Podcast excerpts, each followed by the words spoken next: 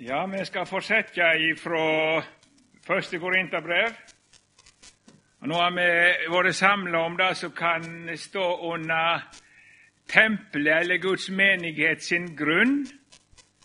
Og det som nå står videre, det har om tempelet, Guds menighet, sin hellighet å gjøre. Guds menighet og den enkelte troende er tempel for Den hellige ånd. Og da, eh, Den hellige ånd bor der, og han gjør sin gjerning der. Nå var det sånn at eh, I Korint så levde de så hvis de skulle følge Guds lov, så var det ganske i motsetning til samfunnet ellers. Veldig sterkt. Og Jeg har understreket det før og sier det igjen. Tilstanden i våre land begynner nå å nærme seg akkurat samme tilstand ytre sett. Forskjellen er at vi har hatt noe annet, og derfor er situasjonen i Norge på mange måter verre enn i Korint. For én ting er ikke å ha hatt ordets lys. En ganske annen ting er å vende seg ifra ordets lys. Men i Korint så var det jo sånn at eh, de levde i, seksuell utruskap. Eh, og svikta sin ektefelle, det var vel ikke betrakta så helt greit blant hedningene heller. Men løsere forbindelser mellom mann og kvinne, det gikk for seg over en lav sko. Jeg nevnte bare all den tempelprostitusjonen som fantes, og det var helt alminnelig i den greske verden, både homoseksuelt og seksuelt på andre måter. Løse forbindelser på kryss og tvers. De gikk for seg i dagslys, sånn som i Norge. Det er blitt underholdning på TV-skjermene. Ganske alminnelig. Folk som lever løst fra den ene til den andre, og det er morsomt. Så eh, tilstanden er ganske lik. Og hvis de får høre om de kristne at, av de kristne at seksuallivet og seksualakten hører sammen i et ekteskap mellom en mann og en kvinne, i truskap til døden. Og Da er det ikke bare å innføre det verslige hell, men da skal det skje i kjærlighet og respekt for den andre. Helt annerledes. Går det an og så tenkte verden det er håpløst. Sånn kan ikke noen leve. Og så Denne tankegangen har smittet inn på den unge kristne menighet. Og så var det sånn at det som var det blant annet store ord da, så nå, det er en slags toleranse. Så vi tåler alt mulig. Og så viser det seg at det da har gjort sånn i menigheten òg. De, de var så frisynte at de tålte litt av hvert. Vi leser kapittel fem, men først samler vi oss i bønn. Jesus Frelser, vi er her for ditt sannhetsord å høre. Lukk nå opp, o Herre kjær, selv vårt hjerte og vårt øre, at vi må i hu og sinne lukke deg og himmelen inne. Og så ber vi deg, Herre, at du sjøl vil legge ditt ord inn i hjertet vårt og inn i min munn, så det kan bli til velsignelse for oss alle og til salighet. Hold oppe ditt ord iblant oss til vår siste stund. Da ber jeg deg om for Jesus skyld. Amen.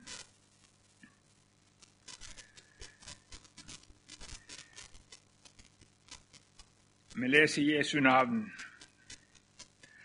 Ein høyrer elles om hor mellom dykk, og det er slikt hor som ikkje engang vert nevnt jo hedningane, at en mann lever med kona og far sin, og det er oppblåsende, Burde det ikke heller sørge, slik at han som har gjort dette, kunne verta støtt ut fra dykk? Eg som rett nok er fråværande med lekamen, men til stades i ånda, Eg har alt, som om eg var hjå felt dommen over han som har gjort dette. I navn åt vår Herre, Jesu, vår Herre Jesus skal det og mi ånd komme sammen i vår Herre Jesu kraft. Så han som har synda, skal verta gjeven over til Satan, til tyning av kjøtet, så ånda hans kan verta frelst på Herrens dag. Det høver dårlig at det roser dykk. Veit det ikkje at en liten surdeig syrer heile deigen? Rensa difor ut den gamle surdeigen, så det kan være ny deig, sidan det er usyrte. For vårt påskelam er slakta, Kristus. Så la oss da holde høgtid, ikke med gammal surdeig, ikkje med surdeig av vondskap og styggedom, men med reinleiks og sannings usyrte brød. Jeg skreiv i brevet til dykk at de ikke skulle ha samkvem med horkarar. Jeg meinte ikke menneske i denne verda som driv hor eller vinnesjuke, røvere eller avgudsdyrkere. Da måtte det gått utover verda. Men det jeg skreiv til dykk, var at de ikke skulle ha samkvem med noen som kaller seg en bror, men er en horkar eller vinnesjuk eller avgudsdyrker eller baktalar eller drankar eller røvar. Et slikt menneske skal de ikke engang ete sammen med. Hva har vel eg med å dømme de som er utenfor? Er det ikke de som er innanfor det dømmer? Men de som er utenfor, skal Gud dømme. Støyt da den vonde ut fra dykk.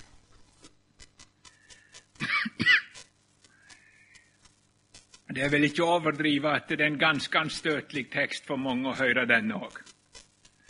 Eh, det høres jo så ubarmhjertig ut at et menneske skal støytes ut av menigheten.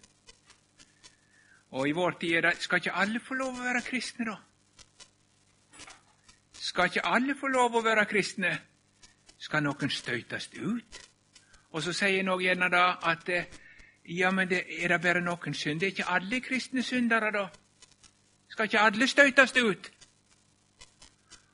Og så sier de til, og det ordet sier noen det har voldt verden en lettelse og kristen en problem.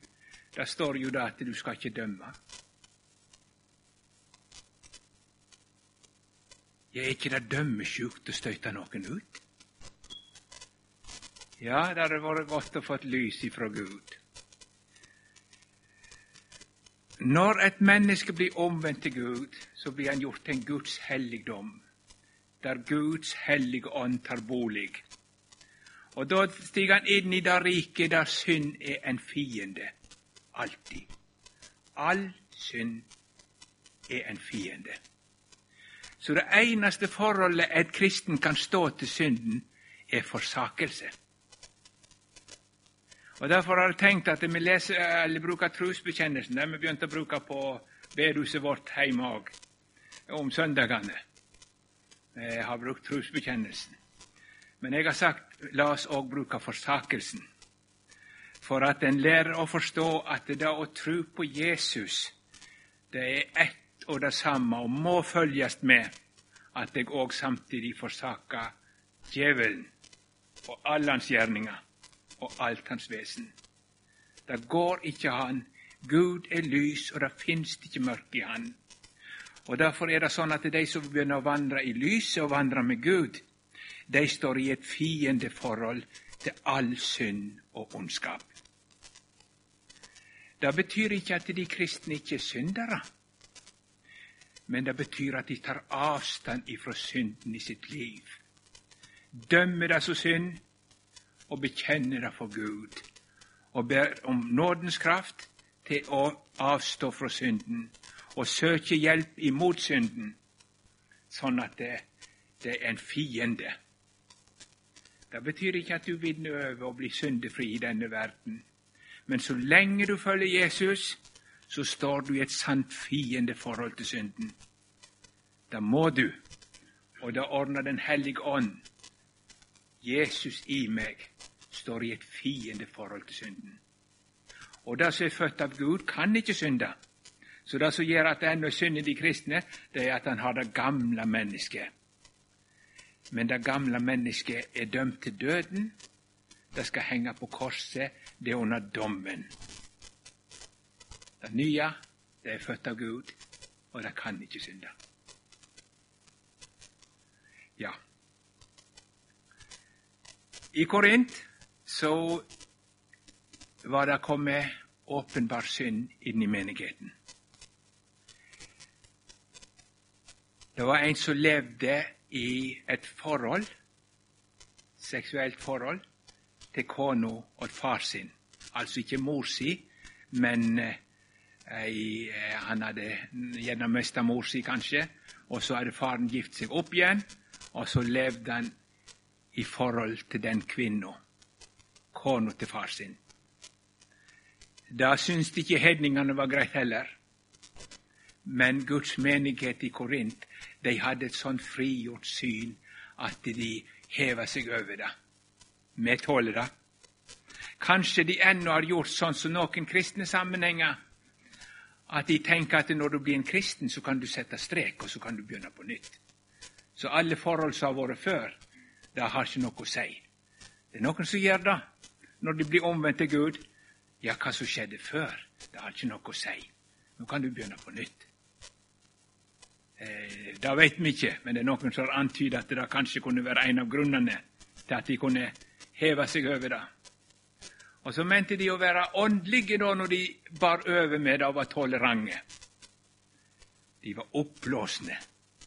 Vi er slike opplyste kristne at vi ser mellom fingrene med sånt. Og Det er jo sånn som det blir rost av i kristen sammenheng mange steder i vår tid òg. Her hos oss er ikke vi dømmesjuke. Her får folk være som de er. Ja, de får ikke Gud med på sånt.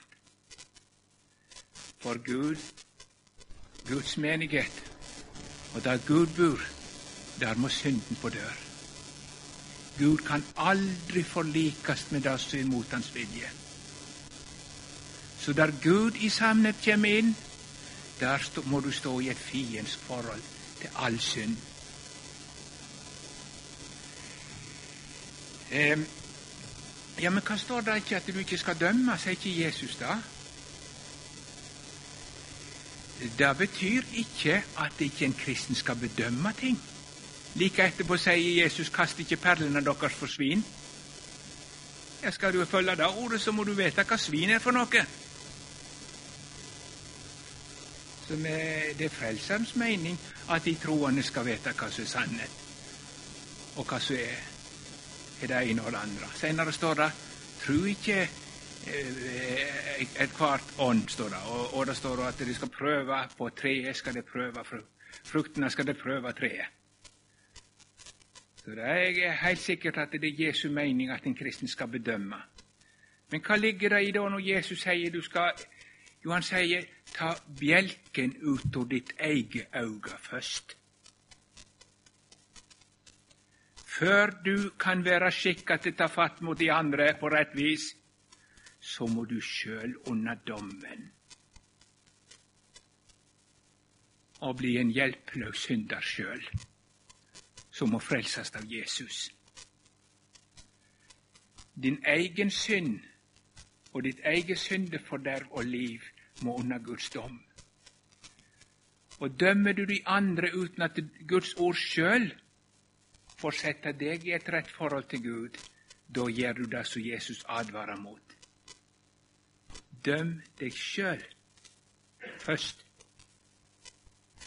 på den måten at det blir oppgjør med synden i ditt eget liv, og omvendelse til Jesus og et nytt liv. Og da hever du deg i virkeligheten ikke over noen, for du veit at du er sjøl en som måtte reddast.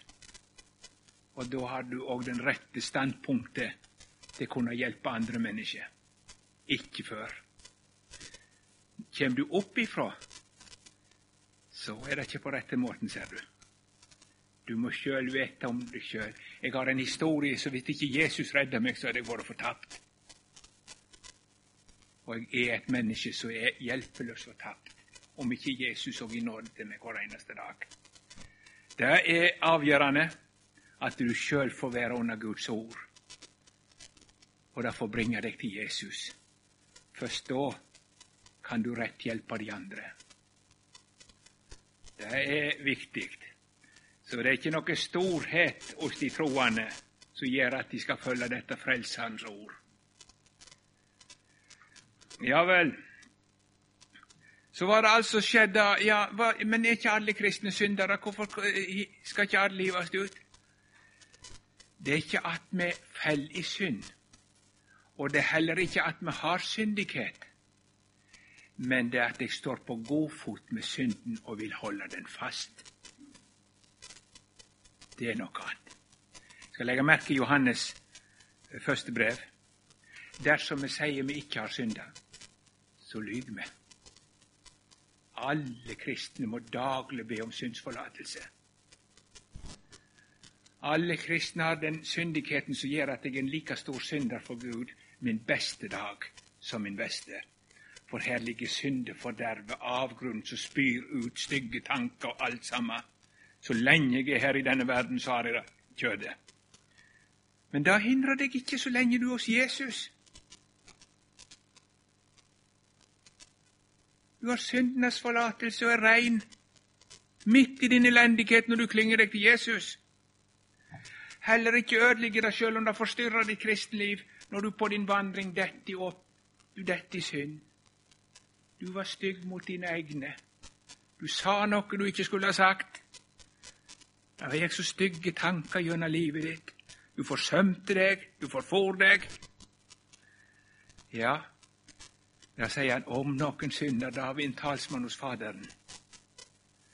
Men så er det noe annet som står den som gjør synd, er av djevelen. Det ligger i det at du slutter fred med synden, du vil fastholde den, du vil ikke vende deg bort ifra den. Du står ikke lenger på fiendefot til synden. Det går ikke. Da feller du ut av nåden. Eller da er det ødeleggende. Da, da, da står det at dersom vi sier vi har samfunn med Han, men vandrer i mørket, den som kan stå på god fot med synden, han vandrer i mørket. Og hvis du da sier du har samfunn med Gud, da lyver du. For det har du ikke. For hadde du hatt samfunn med Gud, så kunne du ikke fortsette å stå på god fot med synden. Det er umulig. Så hender det likevel at djevelen får forføre da kanskje meg, og da kanskje deg så han får sånn makt i ditt liv at du lever i strid med Guds ord. Ikke alt ser mennesket. Og det er ikke mening vi skal drive kirketukt med de usynlige ting. Det har ikke vi lys eller syn til. Midt iblant oss kan det være noen som ikke lever i samfunn med Gud. Men det viser ikke, for det er skjult. Og Guds menighet har ikke fått beskjed om å føre kirketukt mot det som skjult. Det skal gjøre i forkynnelsen. Guds ord skal få trenge inn, men det skal du ikke gjøre med den ytre måten som står her. Men her er det snakk om åpenlys, synd som blir fastholdt, som en ikke tar oppgjør med og ikke vil slutte med. Da er det Guds menighet sin plikt. Og Da har vi Matteus 18, som viser litt hvordan det skal skje. Der at en bror eller en søster skal gå til personen og snakke med han. Omvender han seg, så er saken grei. Vil han ikke høre, da skal vi vel gi han opp. Nei, da skal han ta med seg to eller tre så det skal være vitnefast, både Guds ord til personen og reaksjonen fra den personen. Så da skal han, hvis han omvender seg, så er det sånn at det, når vi sanner våre synder for Gud, så trufast og rettferdig som han tilgir, kan det bli i nådestund. Den som bøyer seg for Guds ord og tar dommen innom sitt hjerte, da skal du få låse opp himmelrikets dør og til seg syndenes forlatelse. Men vil han fastholde synden fortsatt, så skal de tre, to, si det til menigheten. Og menigheten skal felles legge på han. Det går ikke an å leve i synden og samtidig være et Guds barn. Du må vende om. Hvis han da står imot, så skal han ikke lenger regnes som kristen. Og hvis han fortsetter å bekjenne seg som kristen, så må det òg være et helt klart ytre brudd. Det står du skal ikke engang ete i lag med han. Og da er det vel i dag først og fremst tenkt på de kjærlighetsmåltidene som de kristne hadde felles, og nattverden, men i videre forstand alt som kan være en anerkjennelse av den andre som kristen. Du kan ikke anerkjenne den som kristen som ikke vil ta oppgjør med sin synd. Han er ingen kristen, nemlig. Og det å anerkjenne han som en kristen når Jesus har felt dommen at han ikke er en kristen, det er å sette seg opp imot Herren. Og da er du begynt på andre sida å dømme, for du følger ikke Guds ord.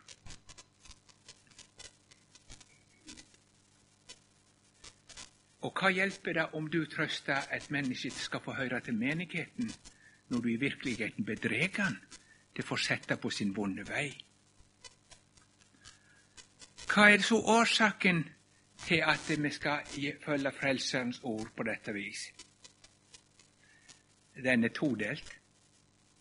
Den første årsaken er denne mannen sin eneste mulighet, eller kvinna, hvis det var det er at hun vender om fra sin synd og blir frelst. Så lenge hun blir stående i et sånt forhold til synden, så er hun, blir hun utenfor. Så det er for at vedkommende skal reddes. Det er på denne måten Guds menighet skal være med og gi muligheten for at Jesus skal finne igjen lammene av øst. Hyrdene på leiting etter denne møst og Guds menighet skal være med. Så han blir fri fra det bedraget at han kan fortsette å få se jeg trenger omvendelse. Jeg trenger omvendelse. Eneste muligheten. Og hvis det er ingen som stopper det mennesket, så er det fortapt det går. Må ikke Guds menighet bedra sine medmennesker. Det gis ut så kjærlighet og toleranse men det er djevelskap å bedra sine medmennesker og få de til å innbille seg at de er kristne når de er på vei til fortapelsen. Det er styggskap når det kommer en blind mann gående, og så han kommer ut av et kurs, og så går han mot et stup, og så sier du ja, men det er så fælt skremme han med at han går mot stup. Nei, det er ukjærlighet å la han fortsette. Og hvor mye djevelsk ukjærlighet det foregår i kirkene i Norge i dag. Bedrar sine medmennesker. Og så får de heiarop ifra verden og gis ut for at de er så kjærlige. De er ikke kjærlige. Det skal de sjå en dag, når de fordømte skal rope til de. Du trøsta meg, og du godtok meg, og nå er jeg bedratt. På topp i den skriver en plass at de fordømte skal rope til lærerne sine i evighet. Du var meg en dårlig prest. Jeg trodde du snakket sant, og nå er jeg utenfor. Og jeg skal takke deg.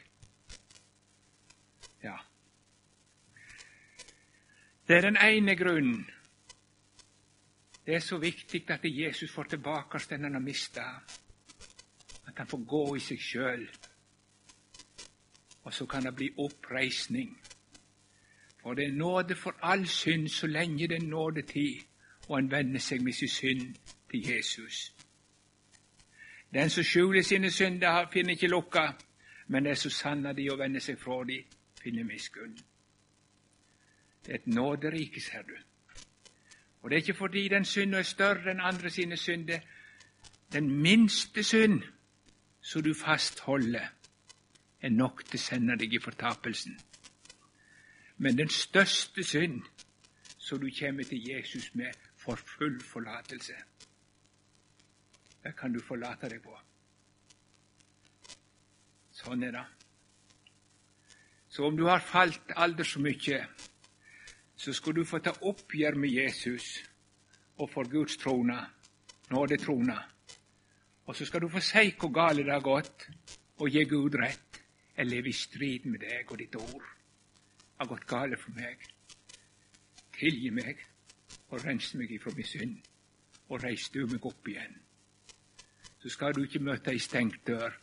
Der Jesus er, er det nåde å få. Der ordet om nåde er ennå, så skal himmelrikets dør lukkast opp for deg. Og det skjer når det skjer på jorden, ved evangeliets ord, så skjer det samtidig i himmelen. Og når Jesus lukker opp, så er det ingen som kan lukke til. Og så blir du berga. Nå står det noen uttrykk her at eh, skal, han skal felles dommen over han, og så skal han overgjeves til Satan. Var ikke det fælt? Jo, det er fælt. Til tyning, hva står det her? Ja, i navnet vår Herre Jesus skal det og mi ånd komme sammen i vår Herre Jesu Kristi kraft, så han som har synda, skal verta gjeve over til, sat, over til Satan til tyning av kjøtet, så ånda hans kan verta frelst på Herrens dag. Ja, det er i grunnen nåde når Gud legger si hånd tungt på et menneske som lever i synd. Det står om hun Jesabel, altså ikke hun i Gamle testamentet, men hun i Tyatira. Hun som sa hun var ei profetinne, og så lærde og forførde Guds folk. Sjå, jeg kaster henne på sjukeseng. Hvorfor gjorde Gud det? Ja, ja. Og så står det at det ja, ser ikke ut som det nytter. Så sa jeg, jeg gav henne tid til å vende om. Og så kan djevelen få herje med et menneske så det brytes ned og legemlig.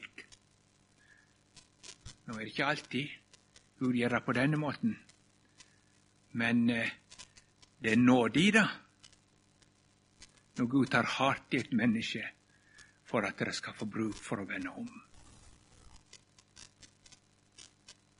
Og hensikten Gud er ikke i tvil om.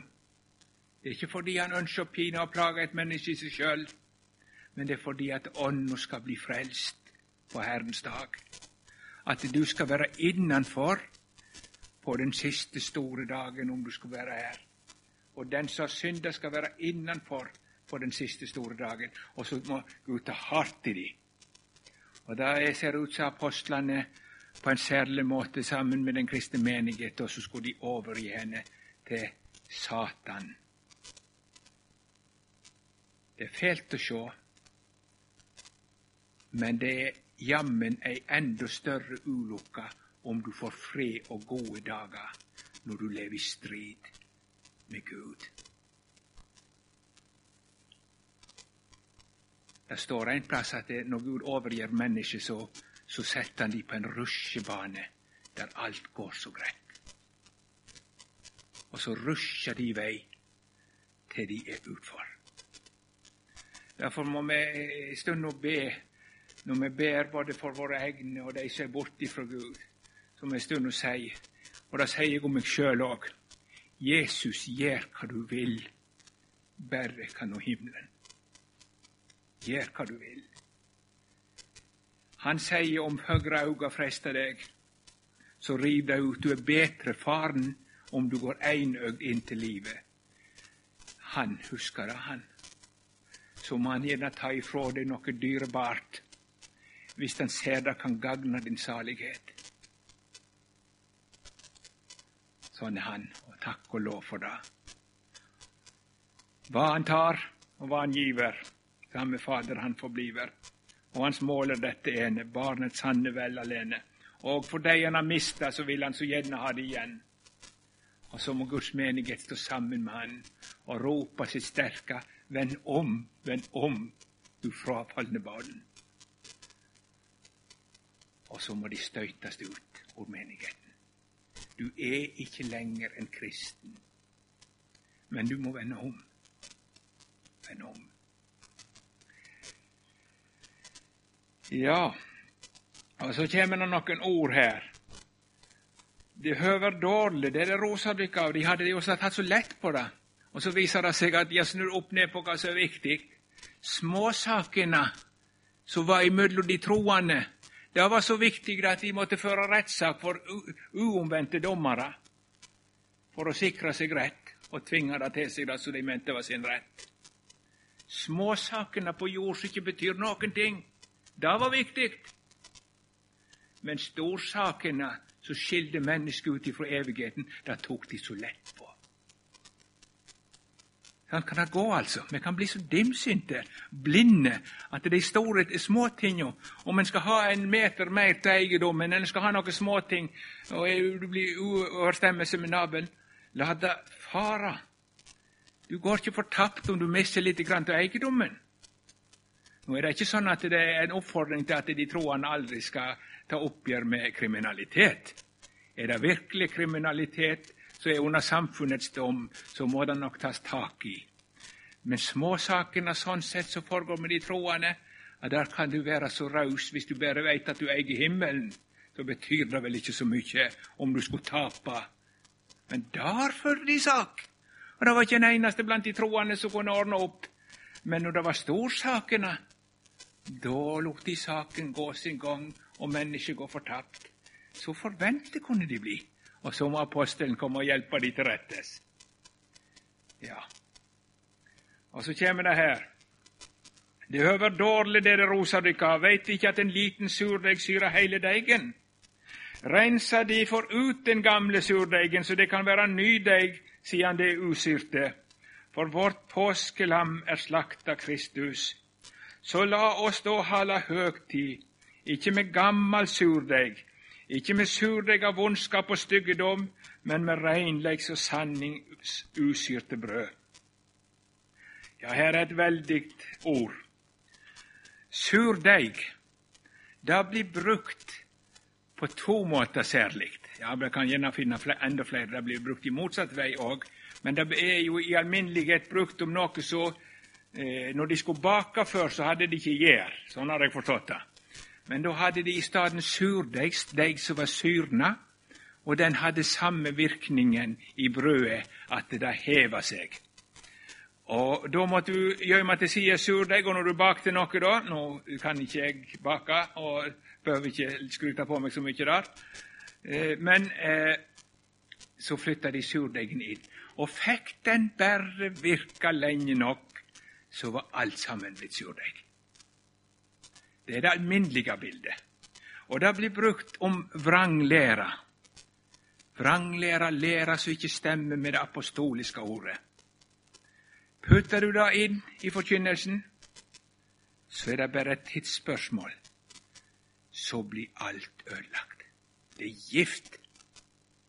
Det var en gammel heimad i spurte om han hadde vært og hørt den og den presten, og så svarte han 'Jeg tåler ikke gift', sa han.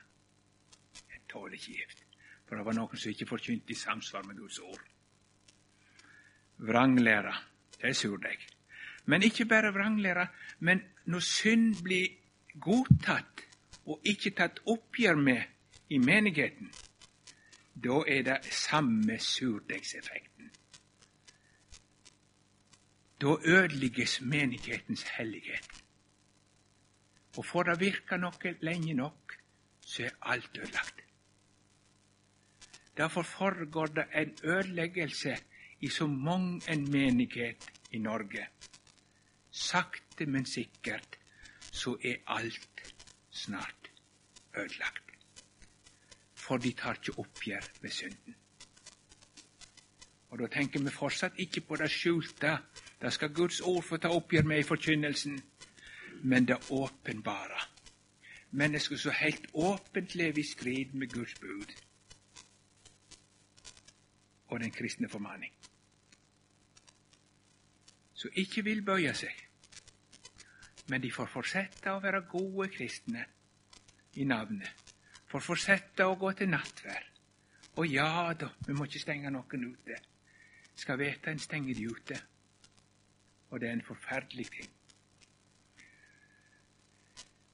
Det er det alminnelige bildet. Men i 12, eh, kapittel 12 i andre Mosebok der er bildet brukt litt annerledes.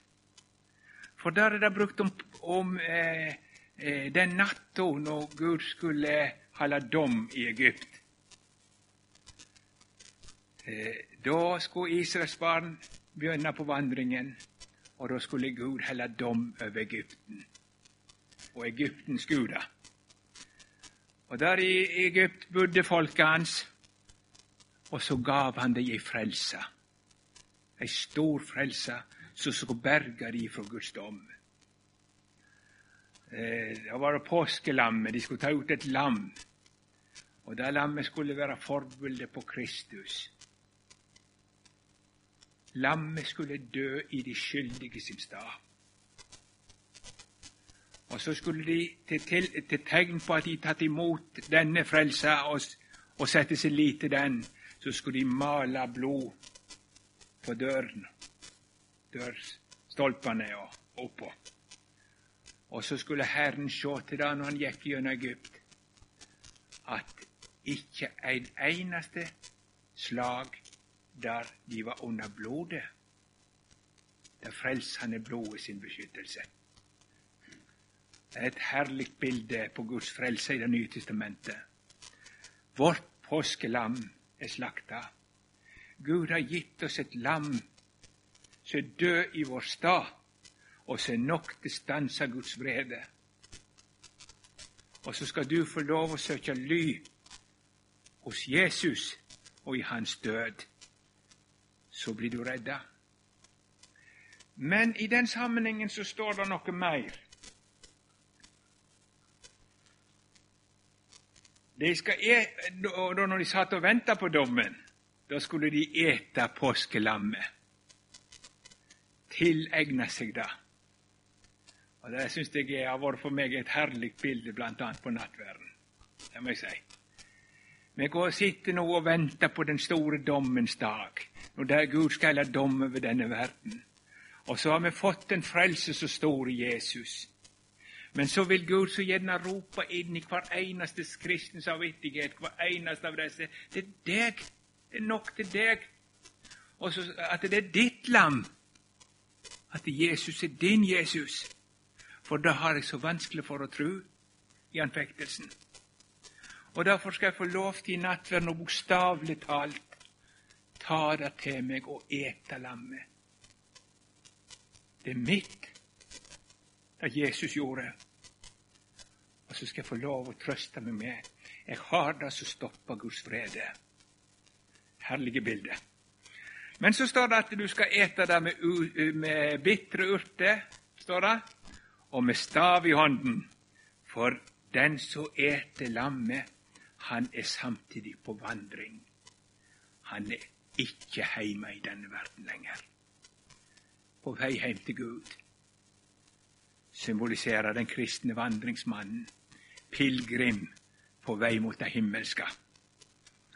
Men så står det noe videre ut gjennom, og det var at det, da skulle de ikke ha syrbrød i huset. Alt som var av syrt brød, skulle ut av huset og de forteller om jødene når de skal feire påske, er de ferdig med støvsugere og endatil kniver og skraper ned i stripene mellom plankene for å få vekk all surdeigen skal ut av huset. Og Det sier noe om den kristne vandringen, at når du vandrer med Jesus, så er du på krigsfot mot all synd og urett. Du kan ikke forlikes med synd og urett lenger for jeg er en som er under lammets blod. Og jeg kan ikke fortsette å leve i og stå på god fot med det som Jesus døde for. Kan ikke. Og dermed så betegnes kristenlivet for en som eter usyrt brød. Det heter rensa ut. Og sånn er den kristne menighet kan ikke lenger ha den slag som lever i sine synder. Den som eter usyrt brød, skal ryddast ut og folket, står det. Så det å godta synd i sin midte, det gjør menigheten urein. Så menigheten var til å bli urein.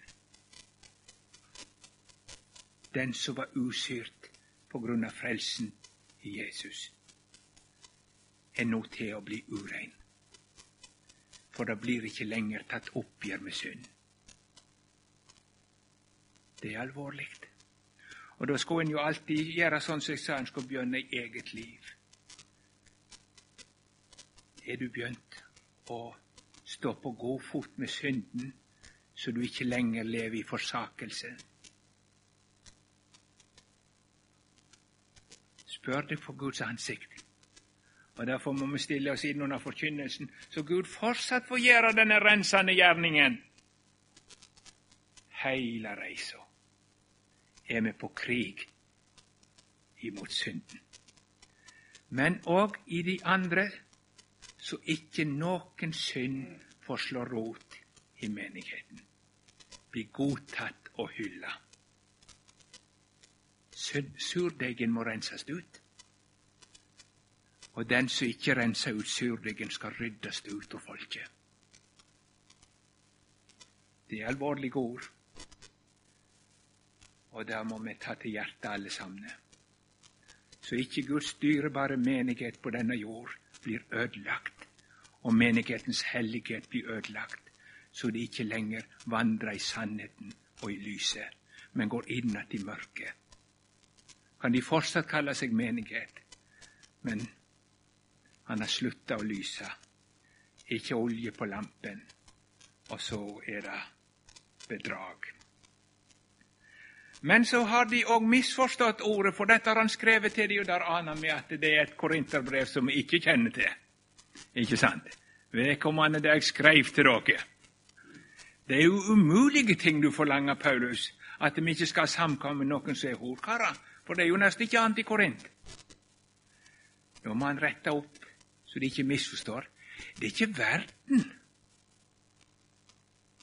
Verden skal først og fremst kalles til omvendelse og tro på Jesus, for det er ingen troende menighet.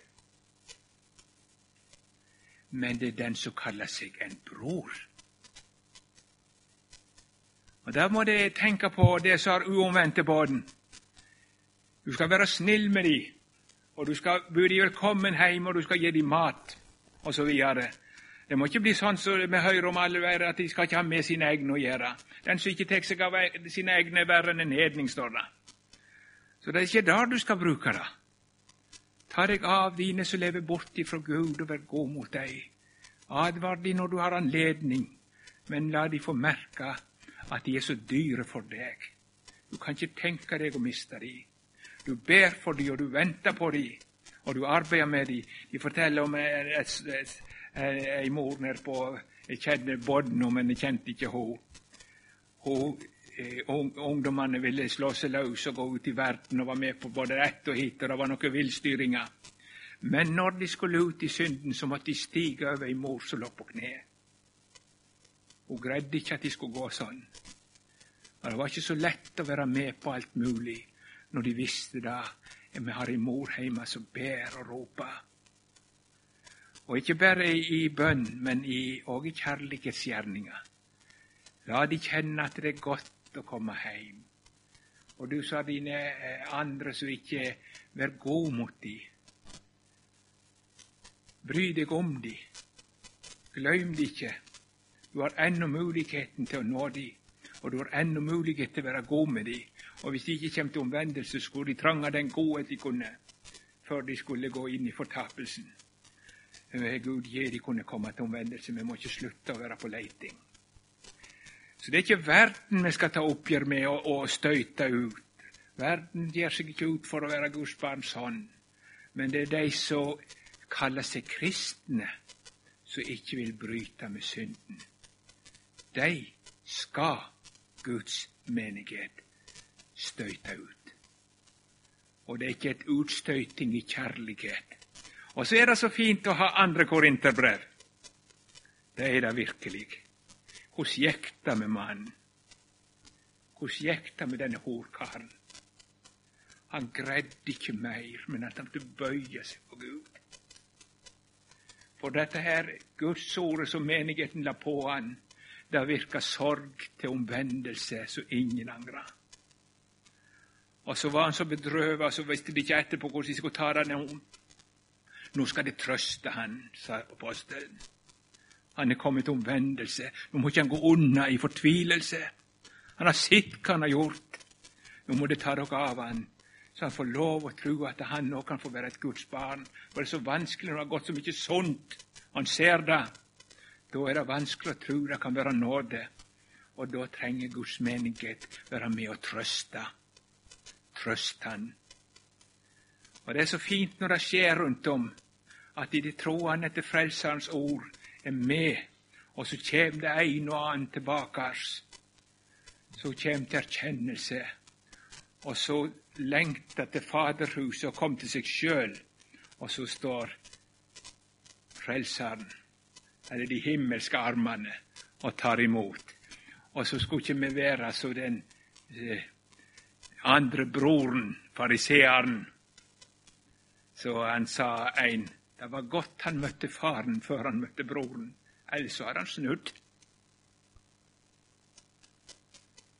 Det skal godt å stå sammen med, med denne frelseren vår og rope til deg det gått galt for, kom heim, og du er velkommen. Du passer i dette selskapet. For med alle sånn det er gått galt for, men vi har funnet en som redder oss. Gud signe deg og velkommen hjem.